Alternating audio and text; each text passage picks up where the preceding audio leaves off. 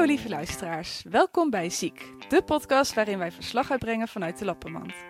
Mijn naam is Tamer Doorduin en samen met co-host Eline Pollaert en onze gasten vertellen we verhalen die samenkomen op het kruispunt van validisme, seksisme, racisme en andere vormen van onderdrukking. We nemen deze aflevering op woensdag 15 januari 2020 op. En dit keer hebben we een speciale aflevering voor jullie over het kruispunt tussen toegankelijkheid en duurzaamheid. Want of het nou gaat over volgepelde sinaasappels in een plastic verpakking, rolstoeltoegankelijke wandelpaden door een natuurgebied of, en daar gaan we het vandaag over hebben, plastic rietjes. Er zijn allerlei zaken die het leven van mensen met een handicap leefbaar maken, maar die onder vuur liggen omdat ze te slecht voor het milieu zouden zijn.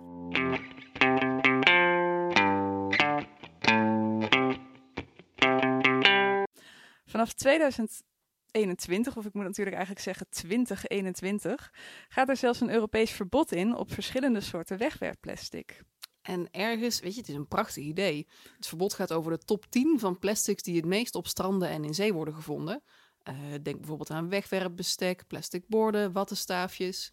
Het probleem is alleen, ook plastic rietjes die vallen onder het verbod.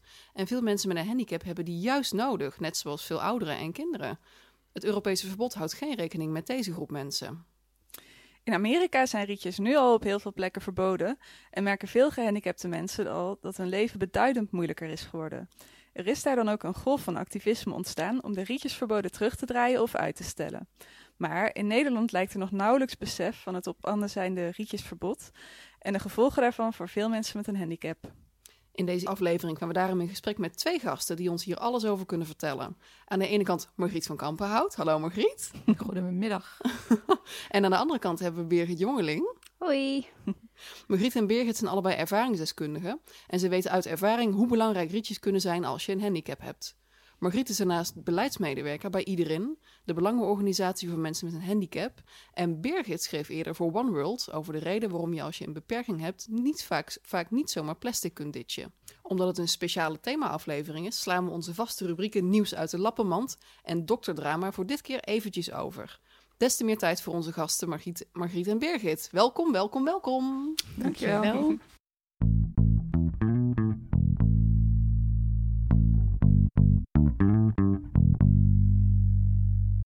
Voordat we het gesprek met Birgit en Margriet starten, willen Tamer en ik je graag om hulp vragen. We steken samen veel tijd, energie en ook geld in het maken van Ziekte Podcast. Het zou super fijn zijn als jij er iets aan kunt bijdragen. Via onze Patreon kun je ons al vanaf 3 euro per aflevering of per maand steunen. We hebben op dit moment 12 patrons en daar zijn we ontzettend dankbaar voor. Echt geweldig. Dankzij jullie steun kunnen we onze reiskosten, het montageprogramma en onze apparatuur betalen. Als patron krijg je bovendien wat extraatjes. We hebben laat bijvoorbeeld de bonusvraag met Anne-Is uit onze vorige aflevering al eerder beschikbaar gemaakt op Patreon. Wil jij ons ook steunen? Kijk dan op www.patreon.com slash ziektepodcast. Alvast heel, heel erg bedankt.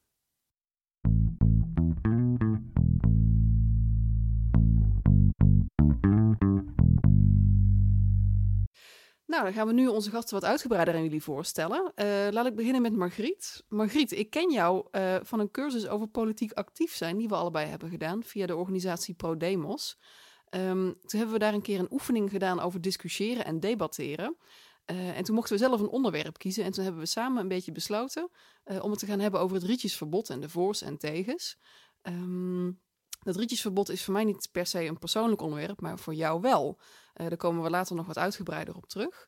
En bovendien weet je niet alleen uit persoonlijke ervaring, maar ook vanuit je loopbaan alles over het leven met een handicap.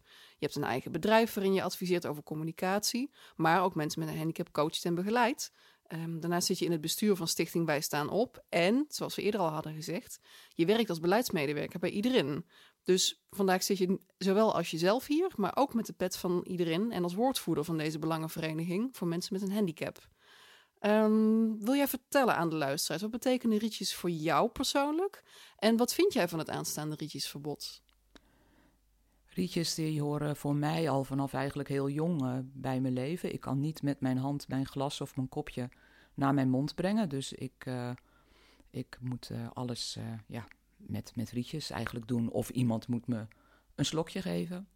Ehm, soms ook heel gezellig, maar het is ook wel makkelijk als het zonder kan. Dus of het nou warm is of koud, of als het soep is, of smoothies, of dikke drank, dunne drank. ehm, ik moet eigenlijk altijd met een rietje drinken. Dan kunnen jou buiten de deur eigenlijk nooit zonder spotten. Ik heb ze altijd bij me. Ja. Eh, je zei net ook dat ik, eh, ik, ben ook, ik heb mijn eigen bedrijf, dus ik kom bij allerlei organisaties. En ik kan niet eh, bij een of andere bank of een, een IT-bedrijf verwachten dat ze daar in de larietjes voor me hebben. Soms ben ik ze wel eens vergeten, gaat iemand zoeken en dan hebben ze toevallig een feestje gehad. En dan krijg ik zo'n rietje met allemaal van die sliertjes. dat is wel heel feestelijk. En ik weet nog wel één keer, één keer heb ik eigenlijk mijn eigen rietje gauw weer in mijn tas gestopt. Want dat was bij iemand die ik ook al kende en dan kwam ik voor een herhaalgesprek. En hij was die ochtend speciaal naar de McDonald's aan de overkant gegaan om een rietje te halen. Oh, ja, dan vind ik het een beetje lullig als ik dan alweer met mijn rietje klaar zit. Dus die heb ik weggemoffeld. En dat vind ik dan ook heel ontroerend. Als iemand daaraan denkt, dat vind ik uh, leuk. Ja. Ja. Heel attent inderdaad. Ja, ja. Ja. En wat vind je van het rietjesverbod? Ik, uh, als, als ik gewoon over de, de, de lange toekomst kijk, vind ik het hartstikke goed. Hm. Het verbod van al die plastics en al dat gedoe waar, waar de hele aarde niet, en de zee niet op zit te wachten. Hm, ja. Hoe het verbod gaat, uh, daar vind ik wel wat van. Ja. Uh, enerzijds omdat we inderdaad straks een situatie kunnen krijgen waarop ik, maar ook een heleboel andere mensen, er ook echt last van krijgen. Maar wat mij eigenlijk ook wel heel erg dwars zit, is um, uh, hoe komt het nou dat op het moment dat uh, dit idee op tafel kwam er niemand op het idee kwam, Hm. um, is het iets meer dan een gadget? Is het iets meer dan een fun ding of een kinderding? Uh, en zijn er mensen die we misschien eens wat moeten vragen in plaats van wat voor ze maken? Dus als het om ergernis gaat, is die tweede voor mij groter dan Mhm. de eerste. Ja. Ja. Ja, Ja. duidelijk. Nou, Birgit, ik ken jou eh, van Twitter, waar ik regelmatig echt helemaal dubbel lig om jouw tweets. Je bent echt ontzettend grappig. Eh, maar je bent niet alleen maar grappig, je bent ook heel scherp. Zeker als het gaat over validisme, oftewel de discriminatie van mensen met een beperking. En het rietjesverbod is een van de onderwerpen waar jij je regelmatig over uitspreekt. En ook voor jou komt dat heel dichtbij. Vertel eens, waarom gebruik jij rietjes en wat vind jij van het aanstaande rietjesverbod? Eigenlijk gebruik ik plastic rietjes specifiek alleen op dagen dat ik heel veel pijn heb en heel moe ben. En het enige wat ik dan kan doen, dat klinkt misschien voor luisteraars heel deprimerend, is plat liggen op de Mm. bank of plat liggen in bed. Maar dat vind ik niet heel erg deprimerend. Het is herstel, dat is nodig. En omdat ik dan lig en om dan weer vanuit lichtpositie rechtop te gaan zitten, een glas te pakken, naar je mond te brengen en te drinken, dat kost mij dan zoveel energie die ik niet heb. Dus dat Mhm. lukt niet. En als ik een glas heb op mijn nachtkastje staan met een rietje erin, die buigbaar is, dus plastic, Ja. dan kan ik liggen drinken. Ja. Hmm. En wat vind je eigenlijk van het, eh, van het aanstaande rietjesverbod? Nou, Het aanstaande rietjesverbod is natuurlijk onderdeel van een groter verbod van eh, wegwerpplastic. En op zich is dat natuurlijk hartstikke goed. Duurzaamheid, daar zijn we allemaal voor, lijkt me. Ik vind het alleen, nou ja, zoals Margriet ook al zei, zo ontzettend wringen dat er dus geen alternatief is. Want mensen zeggen dat er alternatieven zijn, maar mensen met een beperking zeggen voor ons voldoen die alternatieven niet. Dus er is nog geen alternatief en het gaat in de ban en er wordt niet geluisterd. Ja, Dat, Ja. eh, dat wringt. Hmm. ja. ja helder.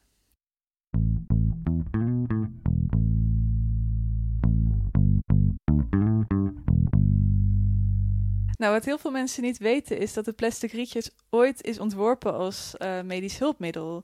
In de late jaren 40 verkocht de uitvinder Joseph B. Friedman het plastic rietje als middel om bedgebonden patiënten te helpen om uit een glas te drinken. Dus eigenlijk net zoals wat eh Birgit net vertelde. Hier bestaat ook een geweldige advertentie van, die we ook zeker in de show notes zullen zetten en op Instagram zullen delen. Eh, maar ik ga even voorlezen wat erop staat. Ehm, nou, het is dus een advertentie voor de Flextroll. Ehm, oftewel het flexibele rietje. Ehm, die individual personalized drinking tube. Het individuele gepersonaliseerde drink. De drinktube. en eh, nou ja, er staan allemaal voorbeelden genoemd of, eh, waar je het voor kan gebruiken. In ziekenhuizen, in sick rooms, in ziekenzalen. Ik weet niet precies wat dat is. Eh, ik kan me voorstellen dat in de tijd, eh, in de jaren 40, dat heel veel mensen met een handicap in instituten wonen. Dus dat dat misschien ook een eh, toepassing En was. zonder handicap met TBC en dat soort Mm. eh, ziekten, Oh ja, ja, ja. ja. inderdaad. Ja, denk ik. Ja. eh, wat ik heel grappig vind, er staat bijvoorbeeld als voordeel ook genoemd. ehm, dat het arbeidskosten bespaart. En ik weet niet precies wat ze daarmee bedoelen, maar ik kan me voorstellen dat dat dus om de mensen gaat die glazen voor mensen moeten vasthouden om ze te laten drinken. Um, er zijn ook hele, hele schattige en zeer tot in de puntjes verzorgde verpleegsters. Met een dienblad met drie fantastische glaasjes met een rietje erin. En het is, uh, zullen we zeggen dat het heel jaren 40 is qua ja. uitstraling? Tandpasta Smile van de verpleegkundige. Ja, nee, het is echt uh, een hele mooie vintage uh, advertentie. Ja. Ja, en daarnaast is het plastic rietje ook niet alleen een medisch hulpmiddel, maar ook een schoolvoorbeeld van universal design. En universal design is een ander woord om uh, een manier van gebouwen en producten ontwerpen te beschrijven. En met als doel dat ze zoveel mogelijk mensen er gebruik van kunnen maken, ongeacht handicap of andere factoren. Um, en in het geval van het plastic rietje is het zo dat toen ze op de markt verschenen uh, als medisch hulpmiddel, ze zo goed bevielen dat ze heel snel op grote schaal door mensen werden gebruikt die ze handig vonden, niet per se nodig hadden, maar echt handig vonden. Um, en dat is, uh, ja, dit is soort van opgepikt al heel snel. Um, maar die, die medische achtergrond die is wel heel belangrijk om even te benoemen. Nou, we hadden het er al even over in, de, in het voorstellen. En voor jullie allebei, Birgit en Margriet, hebben rietjes een duidelijke medische functie. Um, hoe zou jullie leven eruit zien als je geen plastic rietjes meer zou kunnen gebruiken? Jullie hebben al kort wat verteld, maar wat zou, uh, wat zou één ding zijn in je dagelijks leven wat echt um, ja, significant meer moeite en tijd zou gaan kosten voor jullie? Nou, daar moet ik wel even over nadenken. Ik denk in ieder geval, um, ja, als ik toch soep of zo zou ik onhandig vinden, maar dat is ook weer niet dagelijks. En het is voor mij meer dat, wat jij ook zegt van een universal design. Ik heb uit drie soorten plastic rietjes, die zijn dan verschillend in dikte, kan ik alle varianten maken die ik nodig heb. Dus ik kan, als iemand zegt, wil je een kopje koffie? Dan zeg ik, goed, dan haal ik een rietje. En dan, of het een, een laag kopje is of een hoog kopje, ik pas mijn rietje er wel aan aan. Ik heb altijd een schaar bij me. Dus ik kan dit materiaal zo vormen. En voor mij zou het grootste gemis zijn dat ik dan of um, heel veel verschillende soorten mee moet nemen, maar sommige heb ik ook niet, want ik, er zijn ook een paar die heb ik gewoon nog niet um, bij de hand. En wat ik denk ik met wat er nu dan voorhanden is, het meeste zou missen. Ik zit thuis heel graag op de grond met mijn rug tegen de bank en dan staat het kopje op het lage tafeltje voor me, maar ik ben lager dan het kopje met het rietje, dus dan heb ik een kort rietje met een buigstukje, uh, dat ik gewoon heel makkelijk een slok kan nemen. Ik zou niet verdorsten, want als dat niet kan, dan kan ik elke keer omhoog. Maar dat, is, dat komt dan meer over, mag ik ook gewoon lekker leven? Mm. Mm-hmm. Ja. Um, dus, dus echt verdorsten zal ik niet. Um, maar het gemak uh, wordt wel veel minder. En ik moet dan veel meer en nadenken en ook soms zeggen, ja, het kan niet. Ja, ja. Um, omdat het dan niet voorhanden is. Ja. Ik kan nu best al heel veel alternatieven die er zijn voor bepaalde gebruik. Hè, eh, op, op mijn werk bij iedereen. Ik drink vaak gewoon water. Daar heb ik nu zo'n metalen rietje met zo'n siliconen um, mondstuk. Mm. Oh ja. Daar ga ik geen drank mee drinken dat geen water is, want dat vind ik gewoon niet fijn. Um, dat vind ik vies eigenlijk. Zo'n goede schoonmaker ben ik ook niet. Maar ik heb wel moeten wennen. Maar dat, dat is dan een stukje van mij. Wat, ik kan ook iets doen hè, voor die uh, zeeën en, en alles. En dat wil ik ook. Het voelt... Uh, ja, ik kan het me eigenlijk niet heel goed herinneren. Maar het voelt alsof ik aan een tiet hang. Hmm. en dat heb ik ook niet altijd zin in. Ja, begrijpelijk. Maar, maar daar, als ik, als ik mag aanvullen, daar zit ook een stukje... wat ik me ook heel erg bewust ben. Hè, toen ik me hier pas nou ja, mee geconfronteerd werd. Toen dacht ik, oh, dat kan niet en wat dan ook. En ik denk, er is ook aan mijn kant, aan onze kant, ook gerust een stukje waar we ook kunnen wennen. Of waar we ook uh, wat kunnen doen. En dat zie ik om me heen mensen ook doen. Maar mm. er blijft op dit moment gewoon nog iets over uh, wat niet overbrugbaar is. Ja. ja. Ik denk dat het heel belangrijk is wat je hier benoemt. Dat je een soort echt assortiment aan rietjes ja. hebt voor jezelf ja. gecreëerd. In verschillende lengtes, verschillende breedtes. Ja. En uh, ik ben ook pas toen ik met jou daarover in gesprek ging, ben ik me gaan beseffen. Uh, inderdaad, als je een kop tomatensoep wil drinken, um, is dat iets anders dan wanneer je met een glas witte wijn op de bank zit. Ja. ja, want ik kan natuurlijk alles wel inruilen voor rietjes die wat dikker zijn. Maar met dat wijntje, hij is zo op, joh. dat is niet handig. Ja. Zit je tollend op de bank, inderdaad. Ja, ja. ja. ja en inderdaad, die, die variatie die er nu is, um, ja, dat zou dus echt een gemis zijn als dat wegvalt voor jou. Ja. ja, ik snap het. En Birgit, hoe is dat voor jou? Je vertelde net al kort iets over je slechte dagen ja. uh, en dat het dan echt nodig is. Wat zou ja. voor jou, um, wat zou je dan als heb jij een grootste hobbel die je kunt benoemen? Ja, ik denk echt dat eh, op dagen dat het dus gewoon slecht gaat, dan gaat het nu slecht. En dan kan ik zeggen, oké, ik pak nu nog een glas drinken. Ik ga naar bed, ik ga nu plat. En dan is het wel nog slurp, slurp, hoppakee, slokje drinken en weer verder slapen. Als dat wegvalt, want eh, ik, ik heb de alternatieven geprobeerd, laat ik dat maar even zeggen. Als dat wegvalt, ik, ik kan niet een metalen rietje naast mijn bed en dan met mijn slechte brakke lijf daar naartoe leunen om daar een slokje uit te drinken. Dat, dat gaat gewoon praktisch niet. Silicoon gaat ook niet. Ik zou dan of simpelweg gewoon dat niet kunnen drinken. Of ik zou hulp moeten vragen aan mijn omgeving om mij op die dagen te gaan verzorgen. Mm. Nou, dat vind ik toch wel heel, heel, heel wat voor iets simpels als een drankje wat ik in principe nu prima zelf kan drinken. Ja. Ja. En ook gewoon een eerste levensbehoefte natuurlijk, Ja. drinken. Ja. Want het is niet dat ik de alternatieven niet heb geprobeerd. Ehm, en die gebruik ik ook. En als het gaat, dan, dan gaat het. En als het niet gaat, dan zeg ik ook eerlijk, dan gaat het niet. Ja, ja. Nou, Margriet, heb jij eigenlijk enig idee hoeveel mensen er afhankelijk zijn van rietjes vanwege een beperking? Dat is wel grappig dat je dat vraagt, want we hebben bij iedereen ook wel geprobeerd om daarachter te komen. Maar eh, op zich eh, ken- is er niet veel onderzocht van wie gebruikt er nou een rietje. Het is gewoon geen, het is geen onderwerp van gesprek, maar het is ook geen onderwerp van onderzoek. Hè? Dus, dus Mhm. uit hele eh, cijfermatige hoek kunnen we er eigenlijk niks over vinden. Ja. Ik kom zelf natuurlijk in heel veel situaties en er zijn soms, als ik bij de Vereniging Spierziekte mensen, Mhm. met mensen of, of mensen die op een andere manier toch het rietje nodig hebben, dan, dan is de hele zaal vol. Ja, ja. En ja. het kan ook zijn dat, ik, dat, dat je heel weinig mensen tegenkomt. Dus het, het eh, verschilt heel erg, maar het zijn er wel genoeg. ehm, ehm, je, je zult maar bij dat hele kleine percentage horen. Je hoort wel 100% van jouw tijd tot dat kleine percentage. dus dat is gewoon Mm. nul. Ja. En ja. eh, zeker als, ik wil echt wel benadrukken dat, dat in mijn hoofd gaat het om een overgangsperiode. Mhm. En in die overgangsperiode is ook een kleine groep, is een groep die je moet erkennen. ja. En ja. waar je wat mee moet. Dus mijzelf boeit het aantal ook eigenlijk niet zo. Nee, nee, nee, ik snap wat je bedoelt. Ik kan me ook wel voorstellen, het is natuurlijk geen officieel hulpmiddel. Dus kijk, met rolstoelen wordt het ergens geregistreerd. Of zou je na kunnen vragen van hoeveel rolstoelen de eh, hulpmiddelenleveranciers per Ja. jaar leveren bijvoorbeeld. Maar rietjes kun je gewoon overal kopen. En dat is juist het mooie ervan. Ja, precies. Dat is Ja. juist het mooie van dat dat nou een product is Ja, dat voor mensen ja. is. Punt. Ja, ja, dus logisch dat we dat niet weten. Nee. Ik heb zelf eh, ook nog eventjes wat research gedaan, maar ik kan er inderdaad ook echt niks over vinden. Ehm, ik heb inderdaad begrepen dat het bij spierziekte een hele grote groep is. En ehm, we hebben sowieso nog eventjes ook op Twitter navraag gedaan. ehm, ja, om gewoon nog eventjes een beetje te checken van bij wat voor aandoeningen gebruiken mensen nou rietjes. En eh, we hebben een heel mooi scala aan reacties gekregen. Ik pak ze er even bij. Ja, nou, ik ga eventjes een paar voorlezen hoor. Iemand die zegt: Ik heb rekbare extra lange rietjes nodig. Siliconen zijn geen optie, want te kort. Metalen zijn niet handig in verband met hete vloeistof, zijn ook vaak te kort.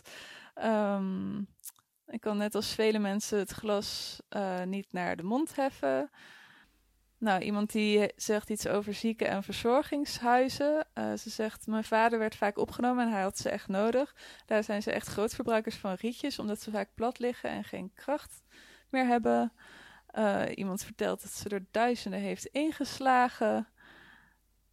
Mijn dochter heeft in juli een kaakoperatie en daarna zes weken vloeibaar voedsel. Ook dan zijn brede rietjes heel belangrijk. Ehm, Wat ik nou vooral hoor zijn ehm, zowel tijdelijke als echt langdurige aandoeningen. ja. Ehm, en ook inderdaad niet alleen voor eh, jonge mensen die bijvoorbeeld met een ziekte zitten, maar ook oudere mensen die er ook Mhm. Afhankelijk van zijn. Die bijvoorbeeld in een verzorgingstehuis zijn of überhaupt al heel krachtsverlies hebben. Ja, Dus het is een heel brede en diverse groep van mensen. ja. Ik heb zelf nog wel een leuk voorbeeld eh, van een, eh, een jonge man die door een auto-ongeluk een hoge dwarslesie had opgelopen. En in een focuswoning, eh, dus zelfstandig woont, maar hij kan dan wel hulp eh, oproepen. Maar hij wilde natuurlijk zo min mogelijk hulp. Mhm. Dus, en hij hield niet van warm drinken.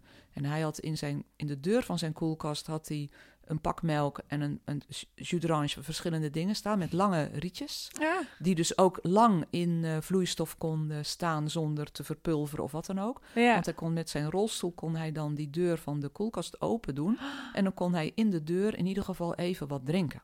Oh ja. Koud, want anders ja, dan zetten ze het neer en dan na een paar uur is het ook niet zo lekker. Ja. Dus dat is heel, eh. eh, heel creatief. Maar ook daar is nog geen alternatief voor wat je daar dan Hmm. kunt gebruiken. Want die waren heel lang. Ja. Maar goed, dat is makkelijk te maken. Ja, we kregen ook een reactie van iemand die eh, ehm, vertelde dat zij nou ja, vanwege haar spierziekte rietjes gebruikt. En dat zij eigenlijk alle alternatieven één voor één met haar begeleiding aan het uitproberen was. En ehm, nou ja, er was nog maar één optie over. En dat wa- waren de metalen rietjes met de siliconen top erop, zeg maar. En eh, als dat niet zou lukken, eh, dan zou ze voortaan alleen nog maar drinken via haar zonde. Ja. Dus eh, Dat ja, is dat- ook heel ingrijpend. ja, ja.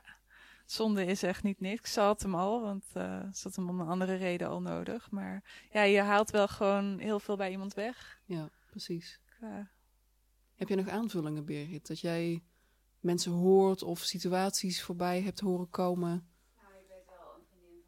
Nou, ik weet wel, een vriendin van mij, eh, die heeft hetzelfde gehad als wat ik heb gehad. Omdat wij allebei ook wel heel groen en duurzaam zijn. Dus zeiden, nou, we moeten ons er overheen zetten. En we gaan naar de RVS-rietjes.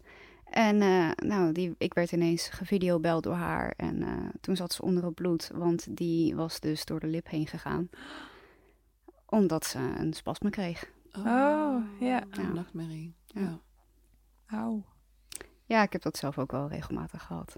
Goh. Ja, zeker als je dan slaapdronken inderdaad omrolt en Ja. denkt, oh, ik neem even. Ja, En dan zit het ook nog in een glas. Ja. Oh, dat is natuurlijk, ja. Ja. Dat is ook een heel belangrijk punt wat je hier aanstipt.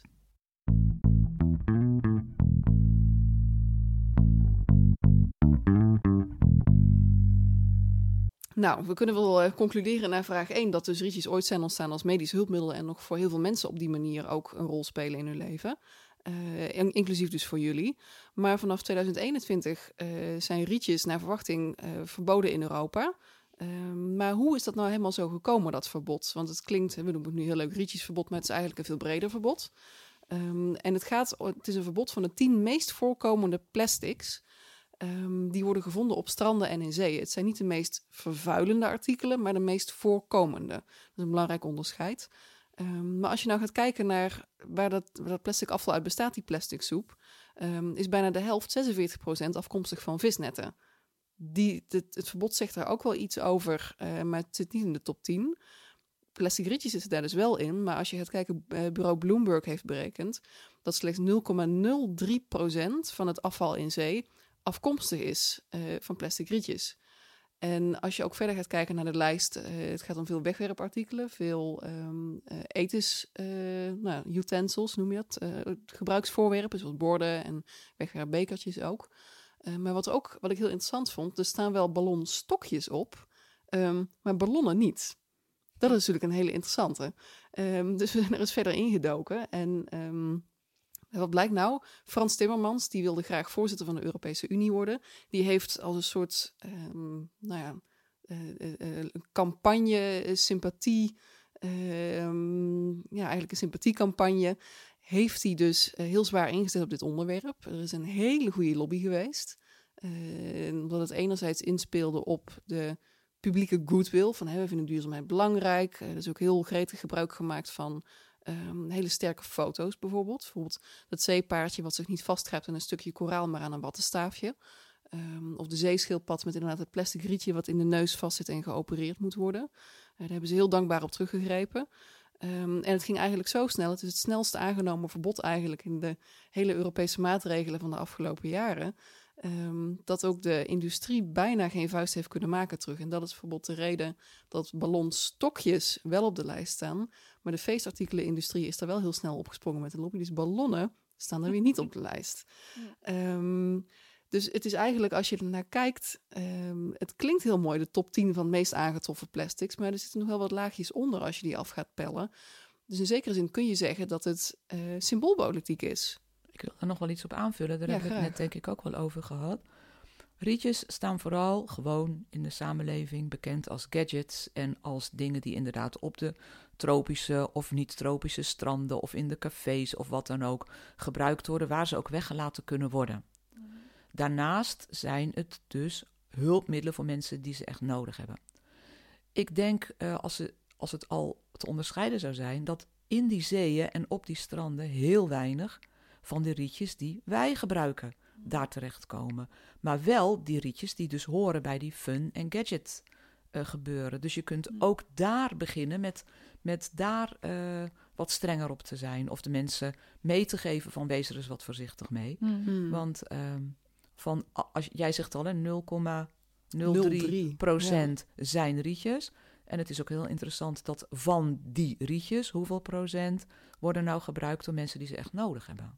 En hoeveel procent is inderdaad eenmalig en weg en door mensen die, die het ook niet nodig hebben. Hmm. Maar ook wat is, nou, wat is nou de grootste vervuiler? Zijn dat dan inderdaad die kleine dingen als de rietjes? Of komt dat uit bijvoorbeeld de visserij? En ja. moeten we dat ja. niet gaan reguleren? Nou ja, ik weet je, ik, als, een beetje als, als advocaat van de duivel. Het heeft natuurlijk ook wel een mooi voorbeeld. Hier kan iedereen iets aan doen. Kijk, ik kan er wat vinden van die visnetten, maar Mm. ik heb geen visnetten. Mm. En dit is wel, als je, als je alleen kijkt naar wie het raakt, wie er wel eens mee in aanraking komt, kan ik beter zeggen, dan is dit wel iets waar iedereen van zegt: Oh, maar ik weet wat het is en ik gebruik het wel eens. Ik zou hier wat aan kunnen doen. Dus het is wel iets van een opstapje naar iets ingewikkelders. Is het wel een hele mooie? Hmm. Ik heb ook wel begrepen dat het ook wel gekozen is omdat het wordt gezien als laaghangend fruit, Ja. zeg maar. Ja. Eh, waarbij dat natuurlijk heel erg bekeken is vanuit mensen zonder handicap, eh, die het Ja. dus inderdaad als gadget gebruiken. Hmm. Ja. Ehm, maar ja, op zich snap ik wel dat het mooi is om, om met zoiets te beginnen. Het enige is, ze hebben gewoon niet verder doorgedacht van, oh, het is niet voor iedereen laaghangend fruit. Ik denk dat ballonnen dan eigenlijk misschien een betere keuze waren geweest. Want ja, Ja, die, ballonnen... worden, die worden opgelaten en eh, die gaan door de lucht heen, komen ergens terecht en Ja. hoppakee. Ja, ja. Verder heb ik overigens nog begrepen van iemand die ehm, eh, voor een vakblad over afvalverwerking ehm, die daarbij werkt. Dat rietjes die in de prullenbak worden gegooid eh, in Nederland doorgaans niet in zee eh, belanden. Dus dat het vooral is dat als je aan het strand ligt en je gooit het niet in de prullenbak. En dat er bijvoorbeeld ook landen zijn waar plastic ehm, nou ja, gewoon niet zo goed verwerkt wordt en dat het dan wel in zee terechtkomt. Ehm, ik heb daar ook een filmpje over gezien. Dat ging dan niet over Nederland, maar over eh, de UK, over het Verenigd Koninkrijk. En daar werd ook heel mooi uitgelegd wat er eigenlijk met ons afval gebeurt en waarom het nou precies in zee eh, terechtkomt. En daar zal ik ook nog eventjes naar linken in de show notes. Ja, dat is een dat is goeie ook inderdaad. heel interessant. Ja. Zeg, als we het zo hebben over die lijst, Birgit en Margriet. ehm, wat vinden jullie van dat juist het plastic rietje op deze lijst is beland? Birgit, wat denk jij daarvan? Ja, ik denk wel, het is, het is ergens ook wel logisch. Ehm, het, het is iets wat veel mensen ook makkelijk kunnen inwisselen. Dus het is het makkelijkste, een van de makkelijkste dingen waarvan je kan zeggen: Oké, dit lever ik in, ik gebruik het niet meer. En ik doe iets goeds. En het, het- natuurlijk is het ook goed, maar nou, dan kan je jezelf op de borst kloppen. Maar ja. ja. Het is leuk dat je nu niet meer met je Starbucks beker over straat loopt eh, met een plastic rietje erin, maar dat je met je plastic Starbucks beker met je plastic eh, lid erop, dat je daar dan een metalen rietje in doet. Ja, Hmm. ik, ik- mm, eh, mm, Voelt toch een beetje scheef. ja. Ja. Ja, ja. Hey, en het rietjesverbod is eh, in Nederland natuurlijk nog niet officieel ingegaan, maar merken jullie misschien al wel dat er winkels zijn, eh, of horeca, waar ze nu al plastic rietjes in de boom doen? Jazeker, ja. Maar gelukkig heb ik ze altijd bij me. ja. Ja. Welke En dan probeer ik het wel altijd. We hebben in de buurt een heel lekker eetcafé waar we graag gaan eten. En eh, die, die eigenaar die kwam ook echt bijna van... ja, eh, we hebben toch maar eh, besloten. Beetje verontschuldigend, vond ik ook wel Mm. heel aardig. Ja. Ik zei, nou, ik ga hem gewoon uitproberen. En het ging goed tot aan de koffie aan het eind van, van het eten. Want eh, ja, dat, hij, hij klapte gewoon dicht. eh, Wat voor onder, eh, was dat? Maismeel. Oh, ja. Hmm. Ja. En die, eh, hij, eigenlijk vond ik hem verrassend. eh, eigenlijk, eh, ja, Hij was iets te dik, hè, daar hadden we het net al over, voor de, voor de wijn. Dus, maar goed, ik heb nog wel iets van zelfbeheersing, dus dat heb ik nog wel op kunnen lossen. Mhm. Maar bij de koffie, ja, dan de, de onderkant, die, die ging helemaal tegen elkaar aan eh, plakken. Mm. Ja, En, ja. eh, Oh, dat werkt niet goed. en toen heb ik daar toch wel een beetje afgesproken, en nu kan dat dan nog, dat, dat deze eh, eigenaar niet zijn hele eh, eh, beleid verandert. Maar ik heb dan wel rietjes bij me. Of hij zegt, ik zal er toch een paar plastic zal ik, Ah ja. houden. Ja, Nou, ja. verder dacht ik, we gaan het er nu hier maar verder niet over hebben. maar eh, dat Ja, je hebt ook af en toe vrije tijd, hè? Ja. En ik heb, ik heb ook een keer ergens anders toen had, nee, dat was, ik, daar had ik een maismeelrietje. En eh, daar stond ook een, een website op, dus die heb ik, eh, heb ik een berichtje gestuurd, omdat hij ook dicht ging met de koffie. Mm. En toen kreeg ik echt, en ik vond het aan de ene kant grappig en aan de andere kant ook een beetje die reactie weer van mij van, hoe ver zijn we er nog vanaf? Ik kreeg echt zo'n berichtje terug, wat? Huh? Drink jij koffie met een rietje? Oh ja. Ik denk, oh, en jij maakt dus rietjes. ja. Ja. Ja, Ja. we zijn er nog niet. Nee, nee, nee, er is echt zo weinig bewustwording nog over. Ja. Ja. Maar zijn jullie al aan het hamsteren, Ja. Birgit? Ja, ik heb, eh, ik heb flink veel zakken bij Ikea. Die hebben van die gigaverpakkingen. Mhm. Die heb ik in huis. Oh ja, ja. Ja, we hebben op zolder een kast leeggemaakt. En eh, een beetje grove berekeningen gemaakt hoeveel jaar ik nog denk. Nou, ik hoeveel jaar ik nog denk te leven. Maar mijn man die is dan wat eh reëler in de zin ook wat we net zeiden. Hij zegt, kijk, Mhm. er komt natuurlijk een alternatief. Mm. En dan zitten we met die dingen op zolder. Ja. Dus we, ga- we gaan voor een paar jaar. Oh ja, ja, ja. Ja, ja. ja, ja. ja. want even voor de duidelijkheid nog. Het, het verbod is een Europees verbod. Eh, en dat betekent dat alle landen in hun eigen eh, land nog de wetgeving erop moeten aanpassen. Oh, dus ja. het is niet zo omdat het in Europa wordt besloten, wordt het automatisch bij ons van kracht. Maar het moet dus nog wel geactiveerd worden. Vaak worden die dingen één op één overgenomen. Ja. Eh, en we komen later nog terug op hoe, we wat, wat een mooie, mooie, elegante manier zou zijn eh, om hier een uitzondering voor te maken. Ja, Maar ja. dat komt strakjes. Ja.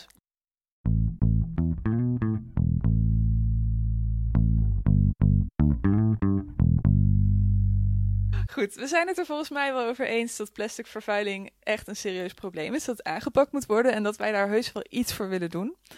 We hebben het net al eventjes een beetje gehad over allerlei alternatieven. Daar willen we nu nog wat meer op ingaan.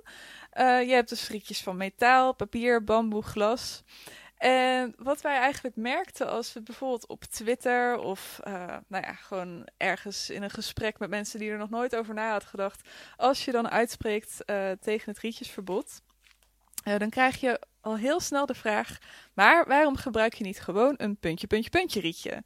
Dus wij wilden deze vraag eventjes goed uit de lucht hebben en met jullie de alternatieven langslopen.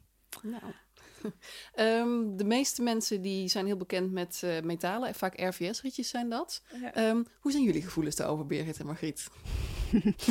ik denk dat ze, dat ze heel handig zijn voor mensen die eh, geen bijvoorbeeld spasmus hebben. Of nou, überhaupt eigenlijk geen rietje per se nodig hebben. Maar voor mij persoonlijk, ik gebruik ze wel. Maar ze zijn behoorlijk gevaarlijk als ik een beetje trillerig ben, wat zwakker ben. Heel gevaarlijk voor ehm, eh, iets oplopen. Hoe, Mm. hoe zeg ik het? Je tandgezondheid. Ja, mijn gebit eh, en ja. mijn, mijn, mond en eh, nou ja, dat. En daarnaast voor mij de voornaamste reden waarom het voor mij geen vervanger is, is ze kunnen niet buigen. Hmm. Ik kan ze niet positioneren in mijn bed. Dat gaat niet. Nou, ik heb er een keer thee mee gedronken. Toen heb ik echt mijn lippen verbrand. Nou, niet verbrand, maar het, was, het voelde als Te verbrand. heet. Ja. En iets dat heeft meer met comfort te maken. Maar ik denk, ja, dat mag toch ook wel. Elke keer als ik dan een slokje neem en ik laat hem los, is het tik tegen het glas. Hmm. Want dan, of tegen een beker, joh, hij, als die tegen die zijkanten komt, tik, tik. Ja. En dat is irritant. Bij mij, eh, als ik dat doe, dan, dan hij rolt bij mij ook vaak mijn hele glas door. Ja, ja. Dus dan Ja. gaat hij zo klingelingelingelingeling. ja. Je in de bioscoop zit. Ja. eh, Nou ja dat, dit is nou grappig wat jij zegt, hè. Als iemand die geen rietjes gebruikt in de bioscoop, Oh, ja. kan ik dus niet drinken. Mm. Nee. Want ook met een Mm. rietje kan ik hem niet vasthouden. Dus nee, ja, inderdaad. dat probleem heb ik gelukkig niet. ja, dan heb je wel van die houders, maar ja, dan Ja. heb je weer een heel lang rietje nodig. Maar is- goed. Ja. Papieren rietjes, hoe zijn jullie gevoelens daarover? Ja, ik, ik weet niet of je het zelf wel eens geprobeerd hebt. maar- Gelukkig zie je mijn gezicht niet als luisteraar. nee, maar die papieren rietjes, ja, dat is ook eh, binnen, binnen de kortste keer is dat vergaan in je drinken. Dat is, eh, ja. Ja, van onder gaat het, eh, meestal zijn ze een beetje gedraaid. Dus dat draait dan weer open. Hmm. En dan opeens dan wil je iets slok nemen lukt niet meer. Maar ook het mondstuk, dat wordt zo papperig. Het is Ja. zo Hmm. vies, die Ja. smaak. En de smaak is ook eh, niet Ja, het voelt heel erg als, als een of ander drankje of zo, wat je dan vroeger bij ergens heel erg goedkoop kreeg. En dat je er dan zo'n papieren rietje Ja. bij, bij kreeg, Ja. wat dan ging vergaan in je mond. En eh, Mm. papier, papier drinken. Nou, glas. Ja, dat is denk ik het beetje hetzelfde als met de problemen met de RVS. Ja, voor mij ook. Ja. Heb ik ook eigenlijk volgens mij geen ervaring mee. Nee. Glas. Nee, Hmm. het lijkt me ook dat dat breekbaar is. Ja, er bestaat Ja, misschien wel onbreekbaar glas. Nee, maar Ja, goed, je maar wil het dat er- risico. waar het in staat is ook breekbaar. Dus ik Ja, denk, dat is eh, waar. Ja, Ja, maar ja, dat dat stop je wel. niet. maar daarom heeft het Ja. hetzelfde als metaal. Het is wel gevaarlijk. Ja. Ja. ja. En wat natuurlijk ook overeenkomt met metaal en glas, is dat het eh, in theorie herbruikbaar is, want je kunt het Schoonmaken. schoonmaken. Ja, Mhm. Ehm, hoe zou dat voor jullie zijn om, om zo'n rietje zelf schoon te maken? ja. Is dat haalbaar? Je gooit het niet even in de vaatwasser, zeg maar, om het Nou, echt schoon te Sommigen krijgen. kunnen ook, maar ho- hoe schoon worden ze? Hmm. ja, dat is Ik een beetje het ding. denk Ja, dat ik, ik, ik, ik, maak die van metaal. Ik heb er dus eentje voor metaal voor de betere dagen. En ik, ik maak hem schoon, maar ik moet ook wel zeggen... Ik ben dan blij dat mijn vriend de afwas doet. Want dat is dan Hmm. weer dusdanig veel moeite die je moet steken in... Gewoon simpel Ja, gewoon even de wat gaan energie en de drinken. kracht die je hebt, hè? Ja, precies. Hoe, hoeveel heb je daar al van? Hmm. Mhm. En het is nog best wel een, eh, een opgave om met zo'n ragertje hem goed schoon te krijgen. Want Mm. mijn Ja. immuunsysteem is ook niet je van het. Dus dat moet wel goed schoon zijn. Ja. Ja. Siliconen. De siliconen die ik ken zijn vaak behoorlijk dik. Ja. Eh, mij te dik. Ja. Ehm, en voor het gebruik, er zit, ik heb wel mijn mannen toen wat gekocht voor me. En daar zat ook wel een één soort buiging in. Dus, dus een bocht. Niet dat ik nog verder kon buigen of niet. En dat is voor mij onvoldoende. Hmm. Ja. En als je dan zegt te dik, hoe, hoe merk je dat dan? Eh, nou, ja, nou ja, bijvoorbeeld dat je, eh, je, je, je zuigt en je krijgt een enorme hoeveelheid drank binnen. Ja. Hmm. Ehm, en het is, ehm, ja, het, het, het is wel heel ver van een prettig gevoel. Je moet ook best wel, vind ik, best wel veel kracht zetten om überhaupt voordat het drinken je mond bereikt met die dingen. Mhm. Vind ik dan. En eh, ja, ik, ik heb ze ook inderdaad geprobeerd, wel met een knik erin. Ja. En dan had ik dus heel even het idee, oh jee, ik kan hem dus positioneren, want het is siliconen, dus Hmm. het is beweegbaar. En toen deed ik dat en ja, toen zat hij dus op slot. Want ja, dan buigt hij en dan krijg je er geen drank meer doorheen. Dus dat schiet ook niet op. Ah. Ja, dat was dus averechts. En Ja. ik moet ook zeggen dat ik ehm, moet hem toch gaan weggooien. Want ondanks de schoonmaakpogingen is dat heel gevoelig voor schimmel. En Mm. er is iets in gaan leven. Mm, Ja. het is ook Ja. een poreus materiaal natuurlijk. Ja, Ja. ja, zeker met verzwakte immuunsystemen. ja is een beetje gevaarlijk. Ze hebben ze wel in prachtige kleuren. Absoluut. Ik had een hele mooie mintgroene, mijn favoriete kleur. Ik dacht, hier ga ik, maar helaas. Helaas, het mag niet zo zijn. Ja, en ehm, ja, hard plastic is dat denk ik. Acry acrylic. Ja, acryl. Ja. Hebben jullie dat wel eens ergens gezien of Ik denk geprobeerd? dat dat voor mij goed gaat als ik, eh, eh, zoals, hè, zoals ik hier nu zit, dat ik wat boven het glas ben, dat die gewoon recht moet zijn, dat als de diameter goed is. En ik, ik heb verder geen last met bijten of met spasmen, dan, dan zijn eigenlijk al die rietjes, die, die kan ik daar prima gebruiken. Ja. Oeh, of weet ik Je zegt wat. bijten inderdaad. Als je inderdaad Mhm. met ongecontroleerde bewegingen... Stel je voor, je bijt daar een keer Nou, flink dat- op. Dan dat heb je al metaal. die, die, die Ja. splinters natuurlijk. En, of gewoon sowieso pijn, Ja. met, eh, met metaal ook. Ja. Hmm. Nou, en het is, ik weet ook van acryl, eh, ik heb zelf een beetje een zijsprongetje, ik heb opgerekte oren. Eh, en heel veel van die sets waarmee je je oren oprekt, eh, die zijn ook van acryl, maar die zijn poreus. Dus het is ook helemaal niet hygiënisch Nee, klopt. voor, Nee. eh, voor meermalig gebruik. Ja. Ehm, Mm. Een hele leuke variant eh, die ik zelf nog niet kende. Je hebt ze van eh, pasta of rijstmeel. Ja. Dat je een soort hele lange holle spaghetti hebt om... eh, Ja, ik, ik vind het allemaal hartstikke leuk, maar ja, die dingen die staan in je drinken en ze staan. En ik kan daar dus niks mee. Ik, ik, Hmm. ik kan daar niet... Ook gewoon omdat er geen... eh, Nee, er zit geen... geen nee. Ik kan hem niet in positie brengen, zodat ik gewoon vanuit één positie kan drinken. Dan moet ik dus alsnog Ja. mijn lijf in beweging zetten om te gaan drinken. ja, ze Mhm. schijnen ook wel niet eh, ideaal te zijn voor mensen met een glutenallergie. Oh ja. Ja, uiteraard. ja, Ehm, ja. Nou, dan heb je nog bamboe. Dat is voor mij een beetje als acryl. Ja. Hard. ehm, ja. Mondgevoel ook niet heel prettig. Splinters wellicht. Nee. Het lijkt me ook weer niet zo hygiënisch, zeg maar. Nee. Volgens mij is het ook behoorlijk poreus. Ja. Ja.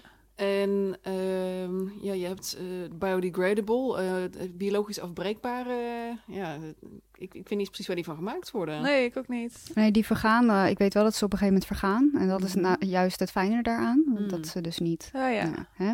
Maar ja, ze vergaan. Ja, dat is dus ook gelijk het probleem, En volgens hoe mij. snel vergaan ze dan? Volgens mij. Ik, ik, eh, ik heb ze zelf nog nooit gehad, maar ik heb een verhaal gehoord van iemand die in eerste instantie zei: Ik heb ze gebruikt en oh, helemaal geweldig, jotem jotem. Maar die verging na een uur wel in haar drinken. Mm. Oh, dat is al wel heel snel. Ik heb zelf nu eh, een, een proefpakketje aangevraagd van eh wheat straws, dus tarwe, Oh ja. Mhm. En eh, die ben ik nu aan het uitproberen. En, en ook voor, het zijn gewoon rechte, rechte stengeltjes, ook Ja. vrij dun. Maar ik geloof dat ze wel ook andere diameters hebben. Nou, die zijn, ah, ik vond hem wel prima voor mij. Voor gewoon drinken als thee en koffie. En, eh, en ik heb ook eh hem de hele dag erin laten staan. Dat ging prima. Oh ja. Ja. Ehm, maar ik voelde wel van, ik, eh, ik moet er niet op bijten. Dus, dus Mm. als Ja. iemand weer met spasme, die bijt hem eh, kapot. Ja. Ja. Ja, want ik moet ook zeggen, inderdaad, als stel je voor dat je zoiets zou hebben wat buigbaar zou zijn, weet ik dus niet of het ook bijvoorbeeld voor mij een oplossing zou Nee. zijn. Omdat als ik lig, wat ik dus met een plastic rietje wel doe, is daar bijt ik dan op om hem vast te zetten tussen mijn tanden en zo Ja. Te drinken. Mm. Ja. Dus Ja. dat moet ook Ja, veilig zijn. dit materiaal, ja, ik, ik ben natuurlijk geen expert, maar dit materiaal kun je volgens mij zo'n buig gebeuren niet inzetten. Mm. Nee. Dat gaat niet. Nee. Eentje die ook eh, belangrijk is, is ehm, de kosten. Ja, ja, want als we even samenvatten waar, waar het steeds op stuk loopt steeds. Ja. Er zijn er verschillende dingen. Je hebt inderdaad die allergenen, Margriet zei er net al iets over. Eh, verslikkingsgevaar. ehm, inderdaad, als die, je kunt je wat pijn mee doen. Eh, daar had Birgit inderdaad eh, een verhaal over. Nou, goed niet- neer kunnen zetten. Of ja, positioneerbaar dus. Ja. Dat je dus een knik erin kan maken.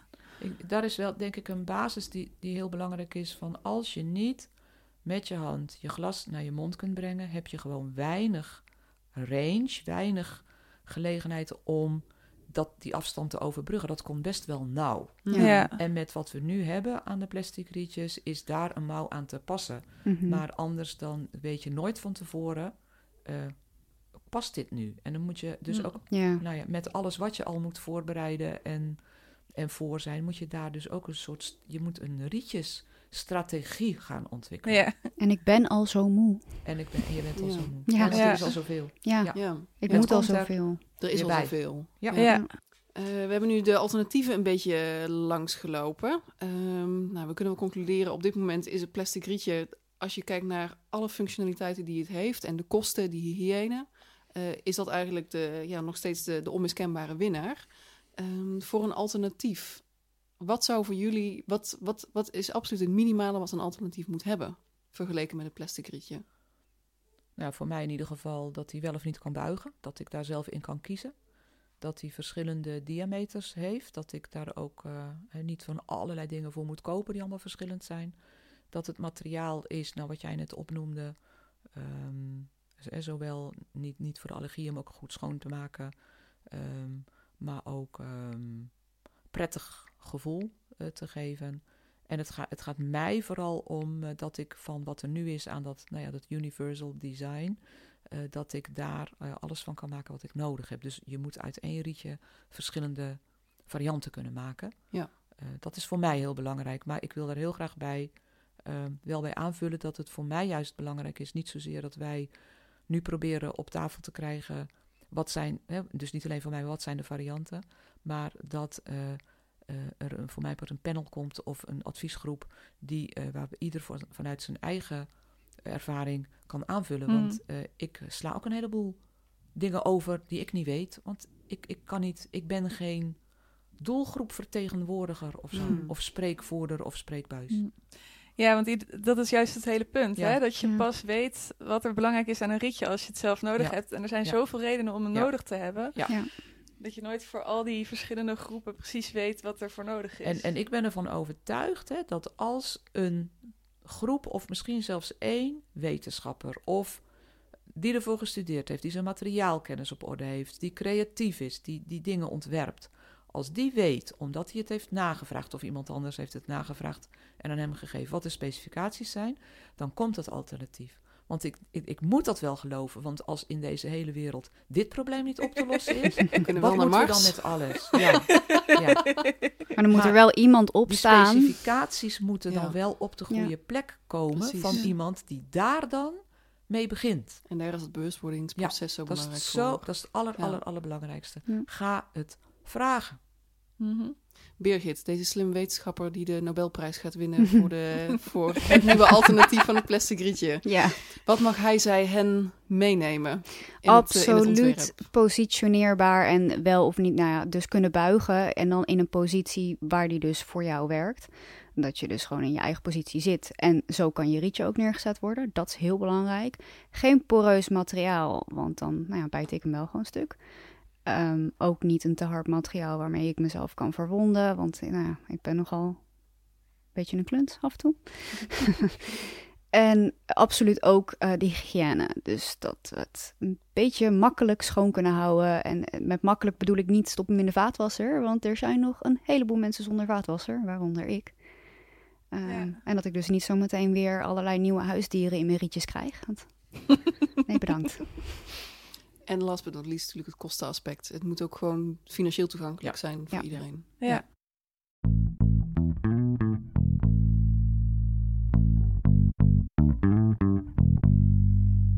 Er is op dit moment dus nog geen goed alternatief dat voor iedereen werkbaar is.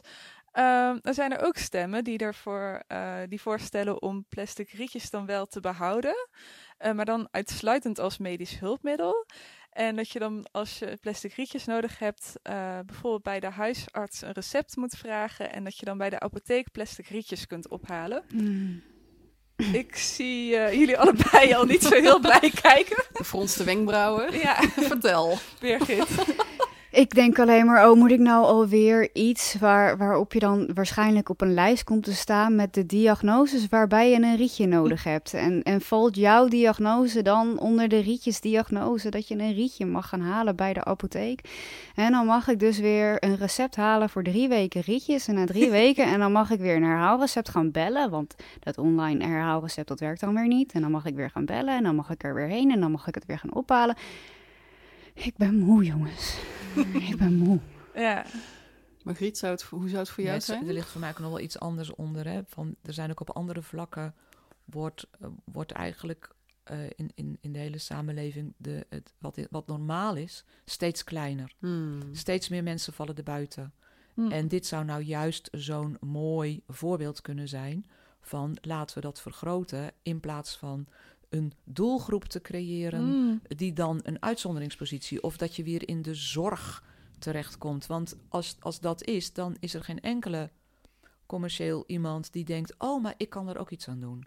Dit, is, dit gaat gewoon om mensen en dit is op te lossen. Mhm. Ik weet het echt zeker dat het op te lossen is als, als dat onderzoek.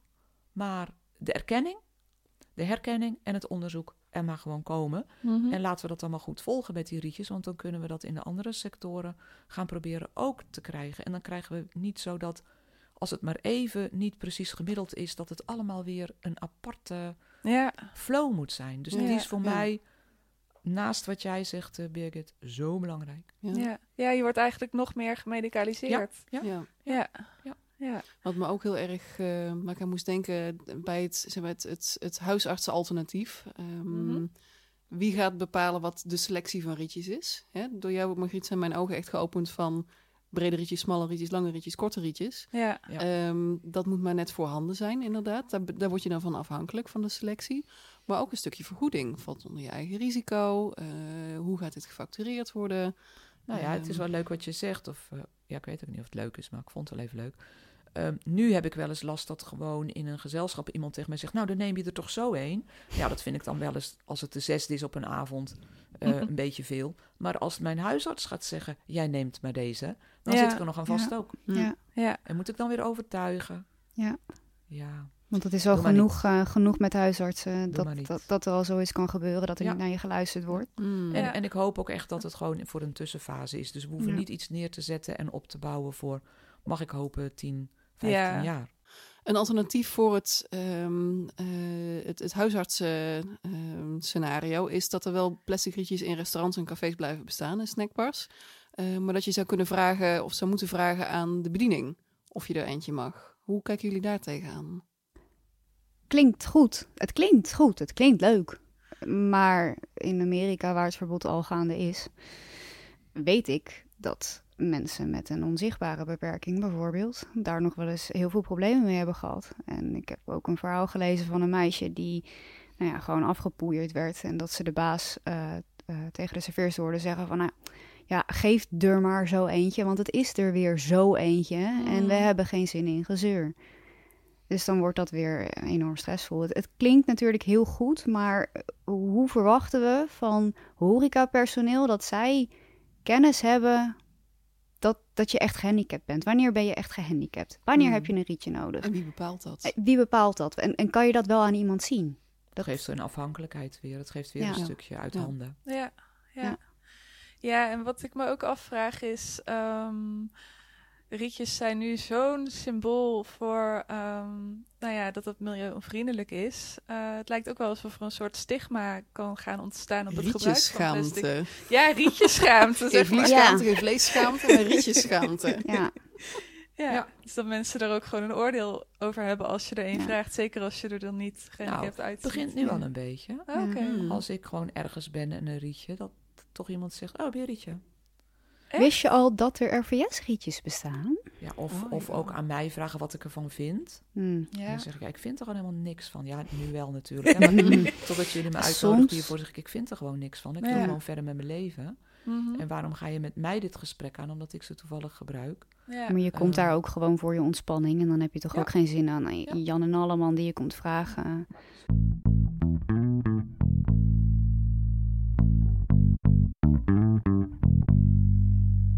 We hebben het eerder in deze podcast eh, gehad over het VN-verdrag Handicap. Eh, dat was in de aflevering met Sandra Koster. Eh, dat is het mensenrechtenverdrag waarin de rechten van mensen met een beperking zijn vastgelegd. Nederland heeft dit verdrag ondertekend en geratificeerd. eh, wat zoveel betekent als dat de Tweede Kamer heeft gezegd dat ze aan de slag gaan met dit verdrag. En wat wij ons afvroegen, Margriet, is hoe verhoudt het aanstaande rietjesverbod zich eigenlijk tot het VN-verdrag? Ik heb daar twee, eh, wil ik er twee dingen over zeggen.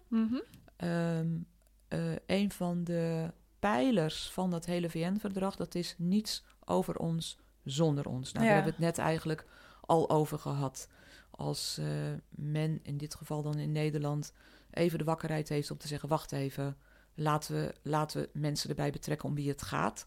Dat is waarvan het VN-verdrag zegt dat mag je nooit overslaan. Dus dat Ja. is heel belangrijk. Maar dat ligt onder alle, alle, alle artikelen en alle eh, richtlijnen die in dat verdrag staan. Mhm. Verder staat er ook nog elders in het verdrag dat er in ieder geval een regering, een, een kabinet, een, een Tweede Kamer geen beslissingen mag nemen, geen nieuwe wetten of regelingen mag doorvoeren die een verslechtering betekenen van de huidige situatie. Hmm. Ehm, het, het, het streven is om het beter te maken. Maar om de mensen natuurlijk een beetje over de streep te krijgen, zijn er al woorden als geleidelijk en redelijk ingefietst. Maar er staat in ieder geval in het VN-verdrag: ehm, het mag geen verslechtering betekenen. Ja. Geen, en dat kan verslechtering zijn financieel, maar ook gewoon in leefgenot, woongenot.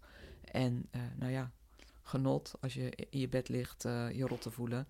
Nou, in je recht om je rot te voelen Ja. en daar toch nog iets mee te kunnen doen. Dus, dus die, dat is denk ik twee dingen die ik heel graag zou willen zeggen waar het VN-verdrag eh, zeker wel invloed eh, heeft. Hmm. Zou kunnen hebben. Ja, en als je nog een stukje verder uitzoomt, we hebben het eh, in de vorige aflevering gehad over een schaduwrapportage die is verschenen over het VN-verdrag handicap. Over hoe staat het daar nou eigenlijk mee een aantal jaar nadat het inderdaad aangenomen is. Ehm, en de conclusie is daar al, de positie van mensen met een handicap, die is al verslechterd. Ja. Die gaat al achteruit. Ja.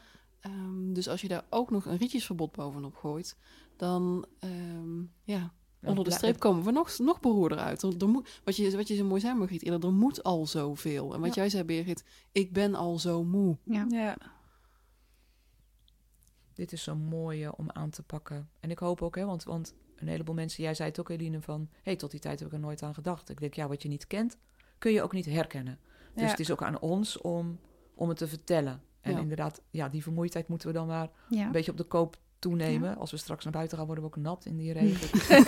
Kunnen we ook, dat, dat is nou, het, het is een beetje onze regenbui, denk ik dan. Ja, ik zou alleen zo graag willen dat mensen dan iets vaker willen luisteren. Ja. Ja, En Ja. niet in een reflex schieten en Nee. in een beter weten schieten. Ja. En ervan uitgaan dat ik als, eh, nou ja, zielige gehandicapt meisje of zo, ik weet, weet niet hoe ze me zien, dat ze niet zoiets hebben van, zij zal dat wel niet weten en ik weet wat ze allemaal wel kan, want ik Mm. vul dat voor haar in. Dat zou Ja. dan zo fijn zijn. Ja. Dat gewoon luisteren. Ja, dan hebben we een beetje pech met ons brein. Hè? Dat is natuurlijk voor iedereen. Dat, dat, dat kom ik heel vaak tegen. Ons brein geeft de, ehm, de blinde vlekken niet aan. Dus iemand voelt niet van, hé, hey, dat weet ik niet. Maar op basis van je kennis wordt gewoon wat je niet weet ingevuld. Dus Hmm. iemand staat er niet bij stil dat hij dat die kennis mist. ja, Ja, En dan willen we allemaal helpen. Of we denken inderdaad, niet zo zeuren. En dan komt er een associatie in ons op. Ja. Hup, daar komt hij. ja. En, en die is voor mij is die trouwens ook nog op een ander vlak eh, naar. Omdat ik dan ook denk, ehm, komt het ook niet in je op als, als jij binnen drie seconden al op dit idee komt. ja. En dit probleem speelt al zo'n paar jaar.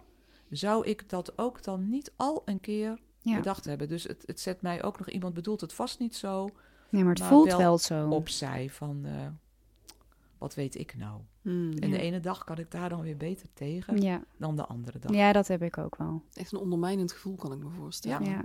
Gaan we weer. En het, en het ligt er ook een beetje aan hoe dat dan verloopt. Ik bedoel, als iemand binnen twee seconden zegt: Ik weet een alternatief. Kijk, natuurlijk zegt mijn instinct dan: Oké, ik zet me weer schrap om weer. Hè? Ja. Maar goed, soms zeg ik ook: Laat maar zitten. Maar meestal wil ik dat dan wel aangaan. Maar als ik dan zeg: Nou, eigenlijk. En iemand luistert dan. Dan Ja. vind ik dat een veel minder vervelend gesprek dan als ik zeg: Nou, eigenlijk, ja, maar. Hmm. En dat iemand dus helemaal niet luistert, dat, dat heb ik vaak genoeg gehad, dat iemand totaal niet luistert naar wat je nou zegt, omdat diegene zo zeker is van, maar wat ik weet, dat werkt. En dat moet voor jou ook werken. En dat jij zegt dat dat niet werkt, dat kan niet, want dat, dat komt niet in mijn hoofd.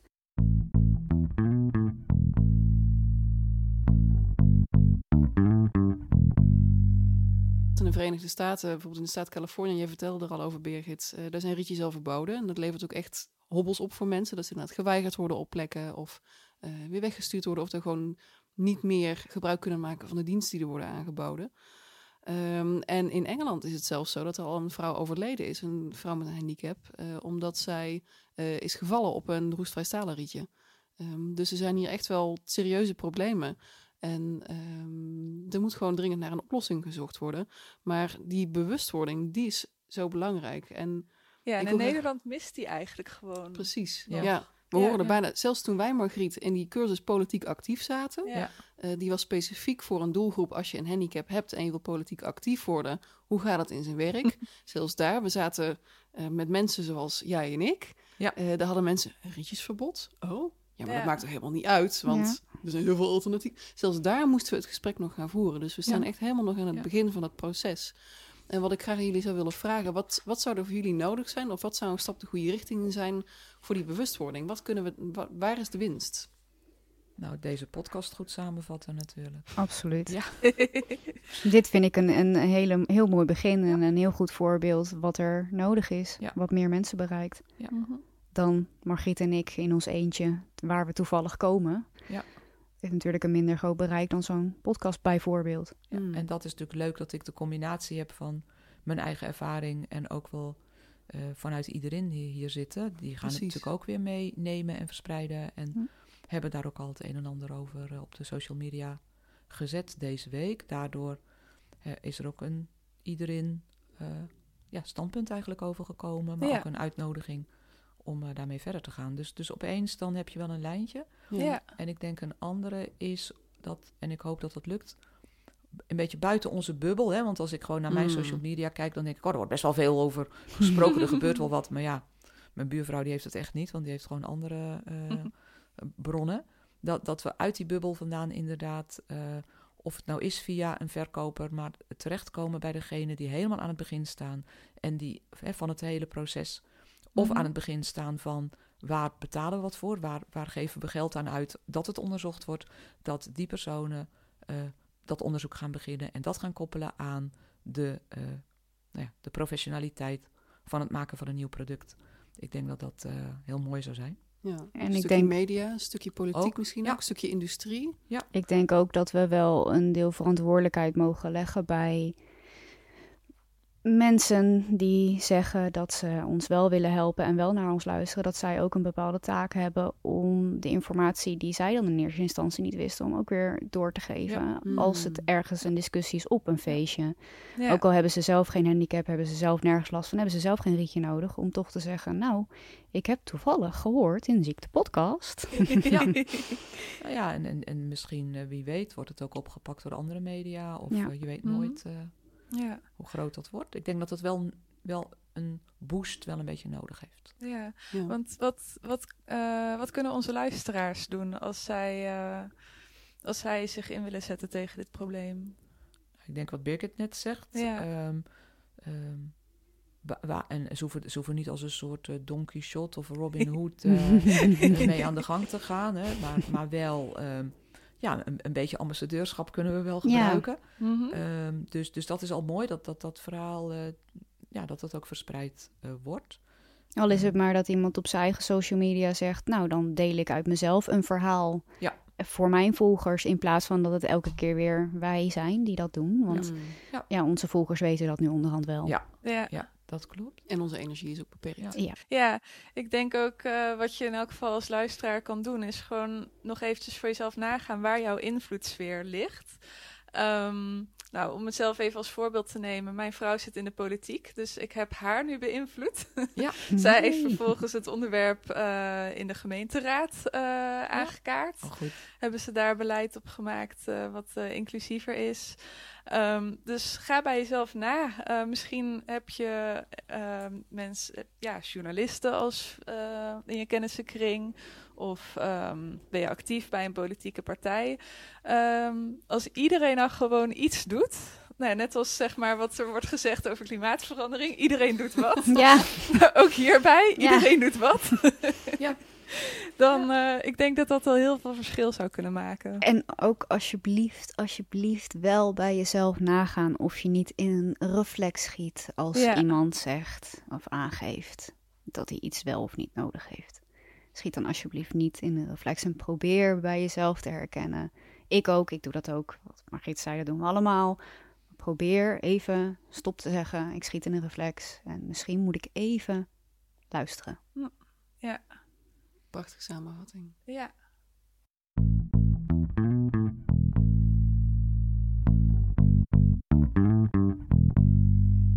We zijn eh, bij het einde aangekomen van deze thema-aflevering van Ziekte Podcast over het Europese verbod op wegwerkplastic dat in 2021 ingaat. Margriet en Birgit, ik kan het belang van jullie bijdrage aan deze aflevering niet genoeg benoemen. Jullie zijn het levende bewijs van het belang van veilige en toegankelijke hulpmiddelen om te kunnen eten en drinken.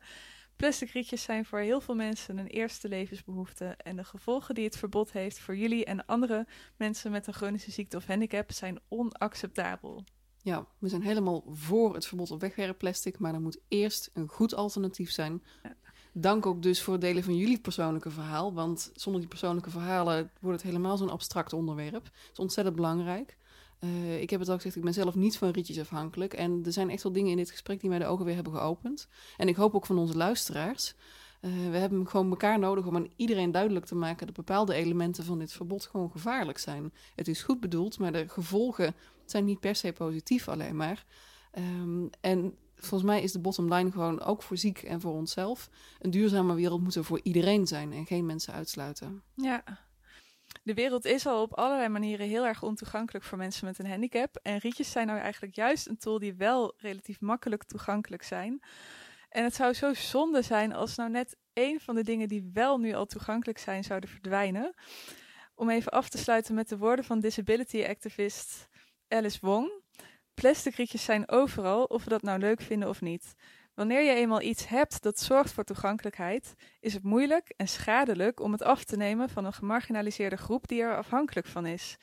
Ik leef in een wereld die nooit voor mij gebouwd is en elk stukje toegankelijkheid is waardevol en zwaar bevochten. Word. We zijn Margriet van Kampenhout en Birgit Jongeling ontzettend dankbaar voor dit interview. Jullie kunnen ze via de volgende kanalen vinden. Margriet, hoe kunnen mensen jou zien, vinden, bereiken? Ik heb op, uh, op Twitter en Facebook uh, plaats ik wel wat. Ik ben te vinden alleen op Twitter. Felinophilia. Die kan je vast ook wel terugvinden als je niet weet hoe het schrijft uh, in het transcript. In de show notes. Ja. ja. Heel goed. Dank ook aan de leden van ons typteam voor het uitschrijven van de, onze podcastafleveringen. Zoals altijd is de transcriptie te vinden op de website www.ziektepodcast.nl. Evenals de naam van degene die deze, specifiek deze aflevering heeft uitgetypt.